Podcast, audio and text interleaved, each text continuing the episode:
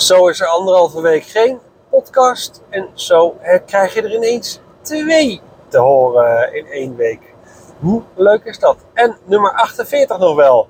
Nog slechts twee te gaan voor mijn uh, podcast nummer 50. Waarbij ik jullie weer van alles ga vertellen over mijn ondernemerschap en wat ik daarin heb geleerd.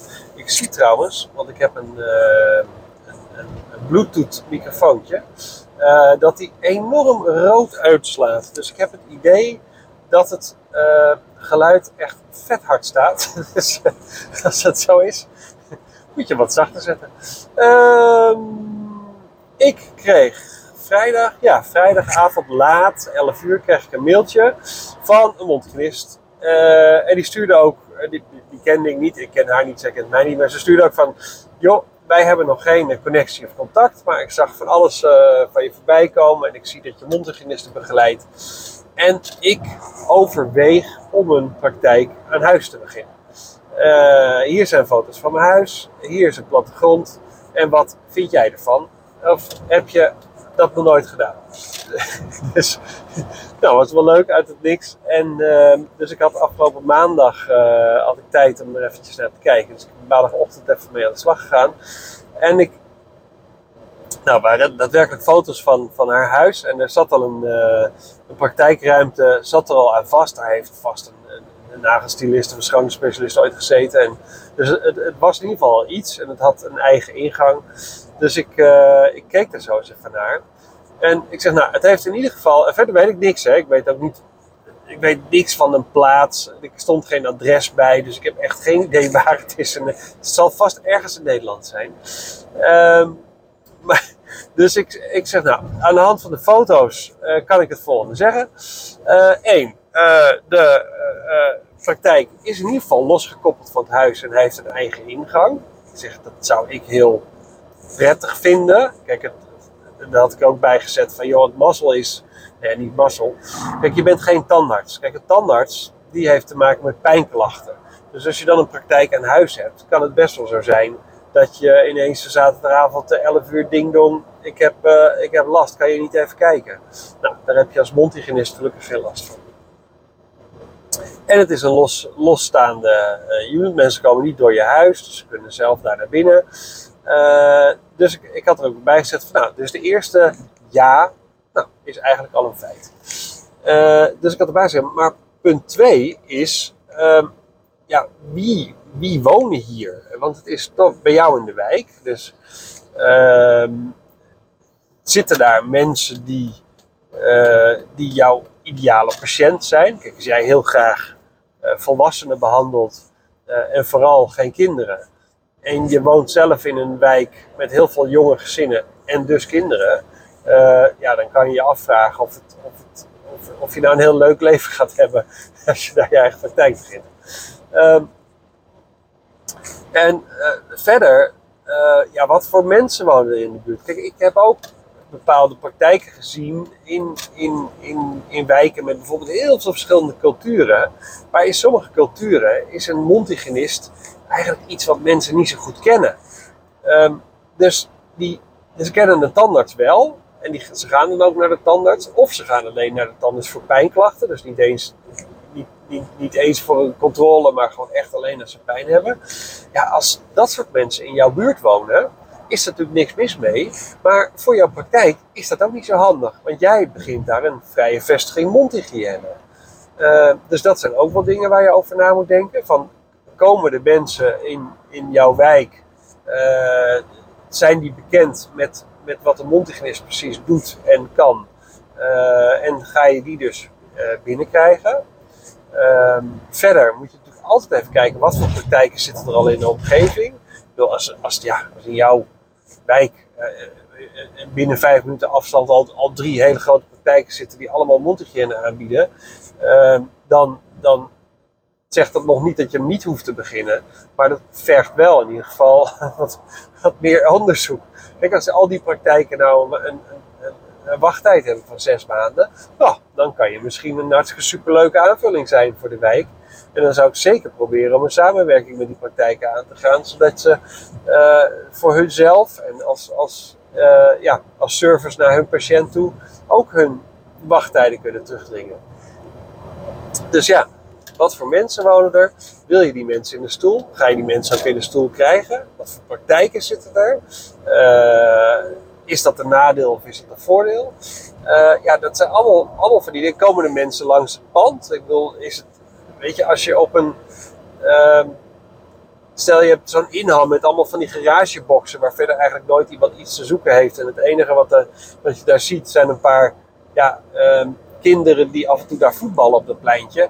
Ja, dan, dan zal niemand opvallen dat jouw praktijk daar zit. Is nog steeds geen probleem, maar dat betekent wel dat je wat meer marketing zal moeten doen om mensen daar naartoe te krijgen. Maar goed, ligt jouw eigen praktijk langs een, een fietspad of wandelpad, of, of, komt er in ieder geval iemand langs die het opvalt dat jij daar een praktijk hebt, nou, dan is de, de, de kans van slagen alweer een stuk groter. Nou ja, de kans van slagen is natuurlijk altijd aanwezig, uh, maar dan gaat, je, dan gaat je opbouw gewoon wat sneller. Dus het is alleen maar een voordeel. Dus ik had gezegd, nou, daar moet je dus verder onderzoek naar doen. Um, en ze had ook nog gevraagd, ja, begeleid jij ook dit soort dingen? En toen had ik er wel bij gezegd, ja, weet je, mijn, mijn één op één traject als begeleiding is, is bedoeld voor mensen die zich echt vrij vestigen. Uh, en dat kan een multigene praktijk zijn, maar het kan ook een tandspraktijk zijn. Uh, in een, of in een, gewoon een, losstaand pand, een oud winkelpand of zoiets dergelijks. Uh, of in een gezondheidscentrum, dat kan natuurlijk ook. Um, maar ja, ik zeg voor een praktijk en huis, ja, daar word ik af en toe ook voor benaderd. Maar heel eerlijk, daar kan ik niet zo heel veel voor betekenen. Natuurlijk kan ik marktonderzoek voor je doen, ik kan alles voor je doorrekenen. Um, en we kunnen af en toe even sparren. Maar ja, dat zijn dingen die ik dan gewoon op uurbasis doe. En dan hoef ik niet een heel traject vooraf te sluiten. Want kijk, een, praktijk aan huis is zo kleinschalig. Het is echt een minimale verbouwing. Uh, je apparatuur heb je nodig. Nou, dat kan je gewoon met een lease regelen. Dus daar heb je mij ook niet bij nodig.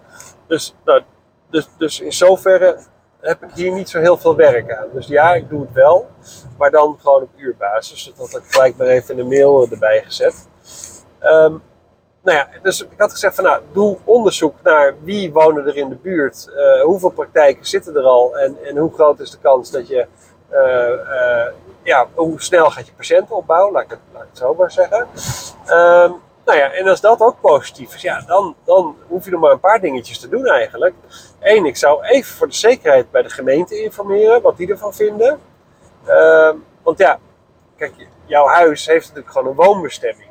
Maar vaak mag je wel uh, in of aan een huis uh, een, een, een, een, bedrijf aan huis beginnen, zeg maar. Nou, dat kan Montigenist, kan dat ook zijn. Uh, en dat mag dan zoveel, maximaal zoveel procent van het woonoppervlakte in beslag nemen. Uh, nou, volgens mij is, dat een derde of zo, ja, 33 procent zoiets. Maar uh, wat natuurlijk wel zo kan zijn, uh, heel veel mensen associëren mondzorgpraktijken met lawaai. En, en, ehm, en, de afzuiger maakt natuurlijk een herrie, de compressor maakt herrie. nou ja, als je boort, dan is het natuurlijk een geluid wat helemaal niemand leuk vindt. dus ik zou zeker even informeren bij de gemeente of het is toegestaan. Als het niet is toegestaan, dan moet je een vergunning aanvragen. En dat zou ik dan wel eerst even regelen. Want bij een vergunningsaanvraag, dan hebben de buren er ook iets van te vinden. Uh, dus in dat kader kan je maar beter uh, de buren aan jouw kant hebben, in jouw team. Want dan kan je gewoon uh, los en je praktijk beginnen. Nou, en als dat ook voor elkaar is, ja, dan zeg ik van, uh, joh, waarom niet? En dat is, uh, nou ja, dat is wat ik haar terugstuurde. Ik had erbij gezet van, joh, als je nog verder uh, die, die, vraag over hebt, dan hoor ik het wel. Of app me of bel me. We kunnen ook even bellen om die vraag te beantwoorden. En um, dus ik, ik, stuurde dat terug maandag. En toen kreeg ik gelijk maandag reactie. Echt, nou, echt zo van, wauw, nou, dat ik, dat ik wel reacties zou krijgen, had ik verwacht. Maar, maar zoveel informatie, die kan ik echt verder mee. Nou, dankjewel. Helemaal allemaal veren bij me naar binnen. Dus nou, nee, dat is natuurlijk echt... Kijk, dat vind ik leuk. Dat, dat is waarom ik het doe. En ik, ik, ik krijg heel vaak de feedback van mensen van... Ja, je geeft te veel weg en te veel informatie. En ook met je podcast. En straks heeft niemand je meer nodig. En dat soort dingen. Nou, heel eerlijk ik, ik, ik blijf nodig. Want ik doe dingen ook op mijn eigen manier. En, en ik, kan je, ik kan je nog honderd keer gaan voorkouwen uh, hoe je iets moet doen. Uh, maar dat betekent niet dat je het ook dan direct kan. Ik bedoel, als ik, als ik vandaag een, een, golfcursus ga volgen bij de allerbeste golfer van Nederland, betekent dat niet dat ik morgen ineens net zo goed kan golven. Nou, dat is natuurlijk precies hetzelfde. En, uh, dus ik blijf gewoon weggeven. Ja, en dat vind ik leuk en ik help mensen graag op weg. En hier denk ik echt van, ja, nou en, weet je, eerst maar eens informatie. En als ze dan denkt van, nou, die Remco die heb ik toch wat langer nodig. Prima, dan gaan we het daarna daar wel over hebben. Maar ja, ik blijf informatie geven. En hier is het gewoon super leuk als ik dan even een bedankje krijg. En, en iemand gewoon weer op weg heb kunnen helpen. Nou, en het leuke was ook, want ze schreef gelijk terug van, joh, ik... Uh, ik kom ook op 10 juni naar de vakbeurs Mondhygiëne. Nou, dat heb ik de vorige podcast ook gezet, daar ben ik ook. Ik ga daarom uh, een workshop geven om 11 uur. En die heet de eerste stappen naar de eigen praktijk. Dus ze stuurde al terug van, joh, ik kom ook naar de, uh, naar de vakbeurs en ik heb me gelijk ingeschreven voor je workshop. Dus ik zie je daar. Nou, dat is helemaal cool. Dus we gaan daar, uh, we gaan daar verder praten. Nou, het is een mega korte podcast dit. Maar ik, ja, ik kan er nog een heel verhaal omheen denken. Maar dit was wel wat het is. Dus waar, waar het om gaat, is als jij iets in je hoofd hebt en je denkt, joh, dit zou best wel eens kunnen werken, maar ik weet niet zo goed waar ik op moet letten en hoe ik moet beginnen, dan moet je dus mij even een berichtje sturen. Dus mail me gewoon of plan even een kennismaking in www.secondent.nl, knop kennismaken op mijn website en plan een afspraak in.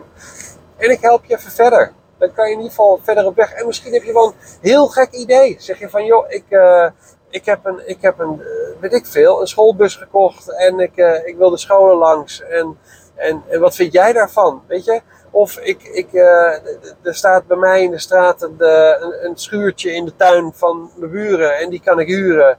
En dan ga ik misschien een praktijk in beginnen. Wat vind jij ervan? Joh, het is gewoon lekker. En ik kan het weten als ondernemer. Het is lekker om iemand in je omgeving te hebben die in ieder geval even met je meedenkt. Kijk, van één ding weet ik heel veel van het opzetten van mondzorgpraktijken, ondernemerschap. Uh, nou, dat zijn twee dingen. En, uh, en, en hoe je zo'n praktijk verder moet, moet voeren. Kijk, ik kan je. Dat zijn drie dingen trouwens zelfs. Nou, ik weet eigenlijk best veel. Maar, dus, uh, kijk, ik kan je niks vertellen over behandelen. Ik kan, wat ik je wel kan vertellen, is um, uh, of jouw behandelingen, of dat een beetje in, in lijn ligt met, met, met andere praktijken. Want ik heb natuurlijk heel veel praktijken al geholpen. En ik had laatst een, uh, een mondhygiënist. En, en, en, die wil gaan, uh, gaan verhuizen en uitbreiden. En ik keek naar haar cijfers en ik zeg, nou, jij zit best wel laag eigenlijk met je omzet. Als ik, als ik zie hoeveel tijd je erin steekt. En nou, toen had ik het natuurlijk gelijk alweer gedaan. En, uh, ja, maar ik doe het op mijn manier en ik neem uh, de tijd. Ik zeg, joh, het maakt me ook niet uit. Je mag alles doen wat je wil. Maar uh, ik attendeer er alleen op dat, dat het, me opvalt dat je gewoon relatief laag zit voor de, qua omzet voor de hoeveelheid energie die je erin steekt. Ik zeg, ik zeg niet dat je dan gelijk anders moet gaan werken. Maar je kan jezelf wellicht eens afvragen of je niet gewoon te lief bent voor je patiënten. Stel, jij hebt patiënten een uur in de stoel liggen. En, um, en tuurlijk heb je heus wel tien minuten even een praatje over hoe het gaat. En, en met kinderen en weet ik wat.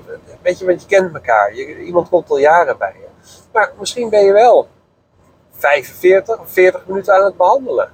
Ja, als je dan nog 30 minuten maar in rekening brengt, dan zeg ik van joh, schroef dat wel gewoon op naar de, naar de tijd die je eh, aan behandelen erin hebt gestoken. Dus 40 of 45 minuten. Nou, en, en dat is wel een mooi gesprek uiteindelijk. En ze is klant geworden, dus ik, ik begeleid haar nu met, uh, met, met de verhuizing. Um, maar ik heb wel tegen haar gezegd: van, joh, ik zou er persoonlijk heel erg gelukkig van worden. Um, als jij op een gegeven moment uh, met, met minder werk gewoon op deze omzet blijft zitten. Want zij werkt echt af en toe zes dagen. Nou, dat hou je best wel een tijdje vol. Maar op een gegeven moment moet je daar ook uh, mee stoppen. Dus uh, dat hoort trouwens helemaal niet bij, bij deze podcast. Maar goed, wat ik, er, wat ik dus wilde zeggen is, joh, als je ideeën hebt en je hebt gewoon behoefte om dat gewoon met iemand te bespreken die er compleet blanco in staat, maar wel uh, verstand heeft van hoe dat nou werkt met die praktijken, dan moet je mij dus even mailen of bellen. Daar komt het op neer en bij deze de uitnodiging.